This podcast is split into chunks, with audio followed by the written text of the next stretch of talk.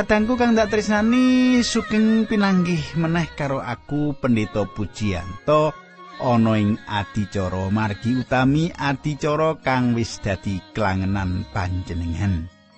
Kepiye kabare panjenengan kabeh ana patemon iki? Apa panjenengan tansah pinaringan bagas kewarasan? Iya. Bandungaku saka batu, aku sak kanca tansah ndongake panjenengan supaya kabeh panjenengan sing setya midhangetake adicara iki tansah pinerkahan tining Gusti mangkono. Lan panjenengan pirsa menawa adicara iki isine jangkep runtut tur prasaja manut urutane ayat lan pasal saka kitab suci mratelakake meh saben ayat kala-kala ganti nggayutake karo panemune ilmu kasunyatan sarta kahanan urip pedinan panjenengan lan aku utamane ing babagan-babagan tata kasukman. Nah, sugeng midhangetake adicara iki.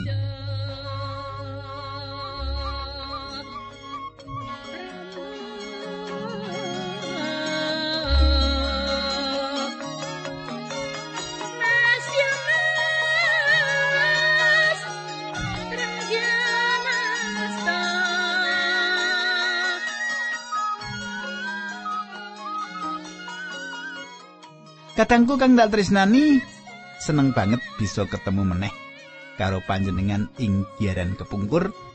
Panjenengan wis pirsa apa sing kudu ditindakake dening Nabi Musa saka dawe Allah kanggo ngluwari bangsa Israel sing kabubuh dadi batur tukon ing negara Mesir. Nanging sadurunge tak teruske aku ngaturake salam taklim marang Ibu Rumiati. Ibu Rumiati Muga-muga Ibu Rumiati bebarengan karo aku, karo panjenengan kabeh lan ngrungokake bareng-bareng ana ing kene. Lah. Kadangku Ibu Rumiati nulis layang marang aku mengkini. Matur nuwun. Serat ingkang sampun dipun kintun dhateng kula seratanipun bab pentingipun donga menika kados pundi? Panci donga ingkang kula aturaken dumateng Gusti Allah dados kegiatan kula, Pak. Kula pitados bilih Gusti mirengaken pandonga kula lan kangge kakung kula ingkang dereng tepang kalian Gusti Yesus sainggih Ibu Rumiati kawula dongaaken panjenengan. Kadangku ayo kita ndedonga bebarengan. Duh Kanjeng Rama ing swarga kawula ngaturaken gunging panuwun menawi wekdal menika kawula saged tetunggilan kalian sedherek kawula ingkang tansah midhangetaken adicara menika kawula nyuwun supados Gusti berkahi mliginipun Ibu Rumiati ingkang tansah ngangen supados kakungipun tetepangan kalian Gusti Yesus.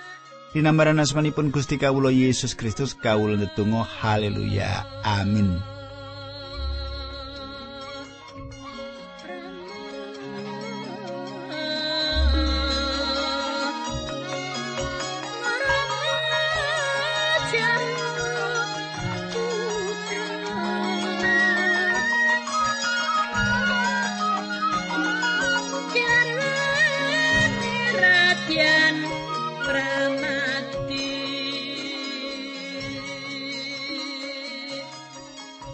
Kadangku kang dak tresnani ayo bebarengan maca saka kitab pangentasan bab papat ayat 6 nganti songo. Kitab pangentasan bab papat ayat 6 nganti songo mengkini surasani. Gusti Allah ngendika maneh marang Musa, tanganmu lebokno ing kelambimu. Musa manut, bareng tangane ditutut dadi buduken putih kaya kapas. Ayat itu Allah nuli ngendika tanganmu lebokno meneh ing kelambimu. Musa nindakake mangkono sarta barang ditutut tangane wis waras kaya sijine. Ayat 8 pangandikane Allah yen wong-wong ora percaya karo kowe sarta ora ngandel karo mukjizat kang kapisan bakal padha ngandel sumangsa weruh mukjizat kang kaping pindho. Ayat 9 Yen pancen turung gelem percaya marang kowe senadan wis nyipati mukjizat rong werna mau lan ora padha gelem ngrungokake tembungmu. Njupuk banyu saka ing bengawan Nil setitik lan esokna ing lemah banyu mau bakal malih dadi getih.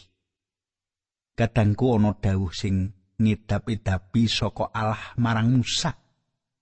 Ing jerone klambine Musa kaya nuduhake kahananing batine kang putih memplek ulang bebasan papat ayat likur kang surasane mengkini sing ngati-ati bab apa sing kok pikir sebab uripmu kuwi ditata dening pikiranmu. Kadangku kanthi prasaja bisa ditegesake samu barang sing ditindakake tangan iku metu saka ati. Lire pangandikan mau nyebutake manawa samu barang sing ditindakake tangan iku metu saka ati. Teken mau diparingake marang wong sing pasrah jiwa marang Allah yaiku Nabi Musa. Gusti Allah ngersakake tangane Musa laras karo atini. Apa sing ditindakake tangane mau kaya apa sing ana sakjroning atini. Coba panjenengan semak Matius pitu ayat pitulas. Wit sing waras ngetokake woh sing becik lan wit sing geringen ngetokake woh sing ala. Nuli uga ing Injil Lukas 6 ayat 45. Wong becik kuwi metokake saka simpenane atine sing becik. Dene wong ala metokake saka simpenane atine sing ala. Awit apa sing diucapake wong kuwi asale saka bludaking atine. Kadangku kang dak tresnani sepisan meneh, Gusti Allah ngersakake tangane Musa selaras karo pikirane. Allah dawuh yen ngersakake tangan lan atine Musa kudu padha. Dawi Allah. Dawi Allah Gusti Allah ngersakake tangane Musa, atine Musa kudu padha. Artine ngene tumindai tangan ya mengkini. Allah ora ngersakake duit utawa bondo lan kepinteran kita. Ora ngersakake. Panjenengan Allah ngersakake kita. Panjenengan lan aku kaya Allah ngersakake tangan lan atine Musa. Musa nglebokake tangane ing klambine bareng didudut metu putih memplak kena kusta nuli tangane dilebokake meneh ing jero klambine bareng didudut meneh tangane wis pulih kaya maune. Wah ngedapi-dapi katangku penggale panjenengan lan atiku meratelakake kanthi gamblang marang liyat sapa to sanyatane aku iki? Gusti Allah ngersakake teken iku ana tangane wong sing pasrah urip marang Allah lelakon mau menehi pangerten sing edi tumrap Musa. Uga tumrap bangsa Israel. Ing jaman iki kedadian mau lelakon mau isih tetep cocok karo urip kita. Gusti Allah ngersakake panjenengan lan aku masrahake gesang iki ing astane. Saiki ayo maca pangentasan bab 4 ayat 10 nanging Musa matur aduh Gusti sampun to ngutus kawula awit kawula mboten saged gineman rumiyin mboten lan mangke sesampunipun Gusti ngendika dhateng kawula kawula inggih badhe tetep mboten saged gineman ilat kawula kaken gineman kawula plega plegu kadangku Nabi Musa matur yen ora bisa nglakoni. Ayat 11 Gusti Allah banjur ngendika mengkene sapa sing nitahake ilate menungso? Sopo sing nitake wong bisulan wong budek Sopo sing nitake wong melek lan wong buta? Apa dudu aku? Allah. Ayat 13. Saiki lunga. Aku bakal ngereh ilatmu sarta ngandani apa wae sing kudu kok ucapake. Sumitraku. Gusti Allah ngersakake ngagem ilate Nabi Musa uga. Tutuke cangkeme dikersakake lan dikendhaleni dening Allah. Arep nuntun ilate Musa kanggo micara ngitapi-tapi. Ayat 14, 15, 16. Ing kitab pangentasan bab papat mengkit. Musa matur, Gusti kawula nyuwun mugi ngutus tiang sanes kemawon sampun kawula. Gusti Allah banjur ntukani Musa sarta ngendika, "Kepriye aku mirsa yen Harun sedulurmu wong Lewi kuwi pinter guneman? Harun bakal teko nemoni kowe lan bakal bunga atine dene bisa ketemu kowe." Kandak nopo sing kudu tok ucapake? Aku bakal ngerahilatmu lan ilati Harun sarta ngandani apa sing kudu kok ucapake lan kok tindakake. Harun sing bakal caturan karo umat minangka wakilmu dhewek niku bakal dadi lesanmu. Dene kowe kaya dene lurae kang bakal kandha apa sing kudu diucapake. Katangku Musa. Ngupaya budidaya supaya ana wong sing gelem ganti dheweke Gusti Allah kersa ganteni dheweke aja dheweke sing dadi utusane Allah katangku Musa wis keladuk wani nganti wani nyuwun marang Allah supaya ganti dadi juru wicara. Iki bakal dadi perkara nalika bangsa Israel ana tengah-tengahing ora-ora samun. Ing buku wilangan mengko, kita bakal bisa ndeleng yen Harun klebu rombongani wong-wong sing padha yasa brahala lembu mas sing disembah dening bangsa Israel. Iku kedadian nalika Musa lagi ana ing Gunung Sinai. Allah ora mbetahake Harun kanggo melu-melu ngluwari bangsa Mesir nanging Allah mung mbetahake Musa kanggo perkara iki. Katengku Musa isih gojek-gajek atine kanggo percaya sawutuhe marang Allah. Nganti Allah wusanane nyetujoni Harun ana ing sisi Musa. Kita pancen kudu ngerti apa to sing dadi karingkian kita. Kita kudu ngerti apa to sing dadi karingkian kita nanging bareng Allah wis dawuh lan mercayake pakaryane supaya kita lakoni kita kudu wani ndodo apa wae sing bakal kita adepi sebab Gusti Allah bakal maringi kekuatan marang kita jalaran kita nindakake kersane Allah saiki pangentasan bab papat pitulas wolulas songolas mengkini surasani tekenmu gawanan Srana tekan kuwi kuwi bakal gawe pertondo-pertondo sing nlakake yen aku sing ngutus kuwi. Musa mulih menyang omahe Yitro bapakne mrotuwa sarta matur kula kepareng wangsul dateng sederek-sederek kula ing Mesir nuweni menapa tasih sami milujeng. Yitro nglilani sarta nguntapake mangkate Musa. Nalika Musa isih ana ing tanah Midian Gusti Allah ngendika baliyo menyang Mesir saking wong sing arep mateni kuwi wis ora ana. Kadangku ana Firaun anyar sing merintah Mesir. Firaun sing ngalap matine Musa. Nanging Musa ora tinggal gelanggang colong playu, Musa malah bali meneh menyang Mesir. Ayat 20. Bojone lan anak-anake ditunggangake ing kulti sarta bebarengan mangkat menyang Mesir. Dene Musa dhewe nggawa teken sing didhawuhake dening Allah. Ayat selikur Gusti Allah ngendika marang Musa, aku wis paring panguwasa marang kowe gawe kaeloan-kaeloan. Dadi yen kowe wis tekan Mesir sakaing kaeloan mau tindak nono ing ngarepe sang pringon, nanging aku bakal mangkotake atine mulane bakal ora ngilani lungane bangsa Israel. Ayat 13 nuli matur marang sang pringon yen aku Allah dawuh mengkene Israel kuwi putraku mbarep. Katangku, Gusti Allah ora nimbali saben wong Israel dadi putrane Allah nanging pancen Allah nimbali Israel dadi putrane. Ngendikane Allah Israel iku putraning sun malah putraku kang mbarep dewi. Pangentasan papat ayat kowe ndak dawi supaya ngilani putraku lunga temah bisa ngabekti marang aku. Nanging yen kowe ora ngolehake aku bakal mateni anakmu pembarep. Kadang kula Gusti Allah iku maha sabar lan welas asih nalika ngadepi ulahe Firaun lan wong-wong Mesir. Kedadian pagebluk ing Mesir sadurunge anak mbarepe Firaun lan wong Mesir mati, nyatane Allah kepengin supaya wong Mesir lan Firaun padha percaya marang Allah kandhing idine wong Israel. Metu saka tanah Mesir. Nanging Firaun ora migunakake kalodangan kamurahane Allah iku.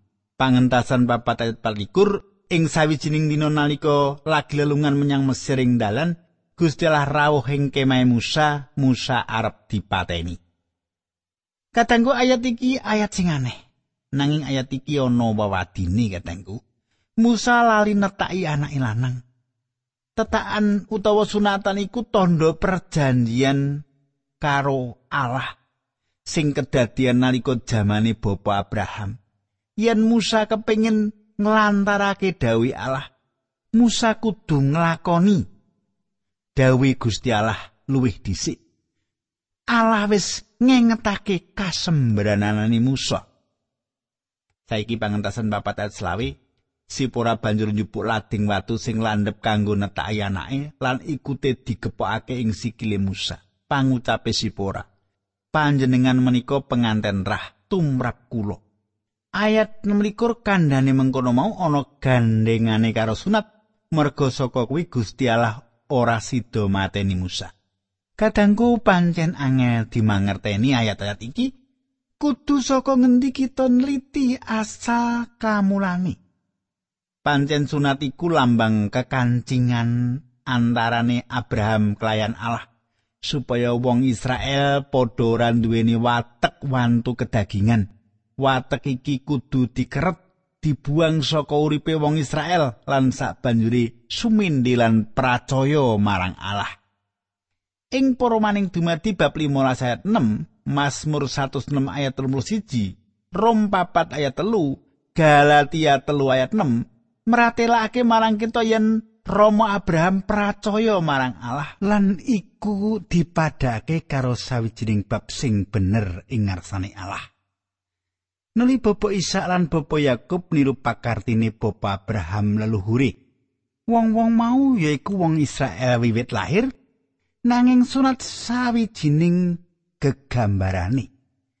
Sunat sawijining patrap iman tumrape wong-wong mau kanthi mengkono wong-wong mau nindakake urutaning agama.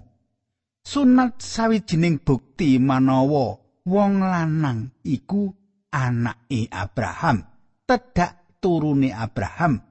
Bab iku bisa katon saka imane. Mitraku, cetha ing kene si wis lumawan paugerane sunat lan Musa ora negasake bab paugeran iki. Musa ora nganggep yen sunat iku penting lan Sipora malah nganggep yen kuwi pakartine wong bodho lan gegirisi. Musa tangsan njogo supaya ing sakabehing kahanan bale wismane ora gunjang ganjing. Sipora ora wong ateis, nanging wong percaya marang Allah kang tunggal. Sipora mung ora gelem wae nglakoni apa dawe Allah lan Musa ora kepingin bab iku dadi ribut ing rumah tanggani. Musa wani nglawan marang Firaun nanging ora wani nglawan Sipora bojone. Musa ngandhakake salah yen tumindake bangsa Israel salah nanging yen Sipora bojone sing salah Musa ora komentar apa-apa. Panjenengan apa ya ngono ya nek sing wedok salah ora wani nek wong liya salah. Wah, ora karuan anggone bengok-bengok. Musa duweni pikiran yen dheweke bisa wae ora setya marang dawuh Allah, mungkin tire wae karo kahanan kaya sing ing jaman saiki dilakoni dening para wong Kristen. Anut grubyuk ora nganti rembuk. Malah ana sing ora melu keluargane nanging melu ngrampungake perkarane keluargane wong liya. Harak lucu to? Gusti Allah tansah ngersakake rawuh ing tengahing keluarga mula ayo kita aturi rawuh terus ing keluarga kita. Bisa wae Allah nyegat ing tengah dalan nalika ninggalake Mesir ngendikake bab keluargane Musa iku mau. Jalaran ana bebayane yen antarane salaki rabi ora padha nyetujoni paugeran rohani sing padha. Mula kitab suci ngandhakake supaya wong percaya ora duweni judul wong sing ora pracaya. Sipora nindakake upacara sunat anake lanang kanggo nyelametake somae Musa. Dene Sipora anggone nindakake mau mung kanthi kapercayane batin adhedhasar janji Bapa Abraham ora tumus tumeka tumindak ing daging. Sawise tekan Mesir kanthi pengalaman nyunat anake lanang iki, Musa banjur ngulehake Sipora menyang bapakne ing Midian. Lan mengkone, Yitro maratuwane lanang Musa ngeterake Sipora menyang papan panggonane Musa. Nuli keluargane Musa pulih dadi keluarga sing rahayu. Coba panjenengan semak pangentasan papat ayat pitulikur. Dek semono Gusti Allah ngendika marang Harun lunga menyang ora-ora samun nemoni Musa. Harun banjur lunga nemoni sedulure ing gunung suci bareng Harun ketemu karo Musa banjur nyalami. Ayat 18 Musa kondo karo Harun apa sing didhawuhake dening Allah? Nalika ndawi bali menyang Mesir uga sakaing kaelokan sing kudu ditindakake. Musa lan Harun banjur padha lunga bebarengan menyang Mesir sarta nglumpukake panggedene Israel kabeh. Ayat 30 Harun nyritakake apa sing wis didhawuhake Allah marang Musa kabeh sarta Musa nindakake sakaing kaelokan ing ngarepe wong-wong mau.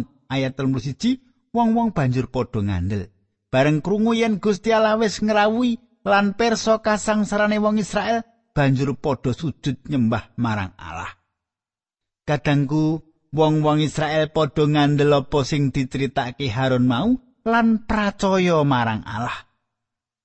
Wong-wong mau wis padha ngandel yen metune saka Mesir bakal dipandhegani dening Allah pribadi. Ing pasal sak banjuri bakal bisa kita deleng tarungi kekuatane Allah lan kekuatane Brahala Mesir tetandingani antarane kekuatane Allah lan kekuatane Braholom ing Mesir. Musa wakasane bali menyang Mesir sakwise patang puluh taun orang aton. Juru pangluaran iki wis disiagakake kanggo ngluwari bangsani. Musa kudu ngumpulake para tuwa-tuwane Israel nuli bebarengan ketemu Firaun njaluk idi ninggalake Mesir. Nanging Firaun tetep nulak panjele Musa sak kancane ora bisa ngecolake bangsa Israel ninggalake Mesir. kahanan iki wis mbuka kalodangan perang antarane panguasane Allah lan panguasane Mesir antarane kekuatane Allah lan kekuatane Mesir Gusti Allah ora ngrantam pagebluk kanthi ngersakake tetimbangan karo manungsa sawise pagebluk godhok banjur apa meneh yo pancen panggebluk sing kedadian ing Mesir iki kedadian sing runtut ora ana pagebluk sing runtut kaya kersane Allah ing Mesir iki. Kabeh pagebluk ditujokake kanggo nglawan brahalane Mesir. Firaun ngajakake pitakonan sapa to Allah iku? Aku ora kenal lan ora bakal ngecolake wong Israel ninggalake Mesir. Nuli Allah njawab kanthi ndawahake pagebluk ing Mesir.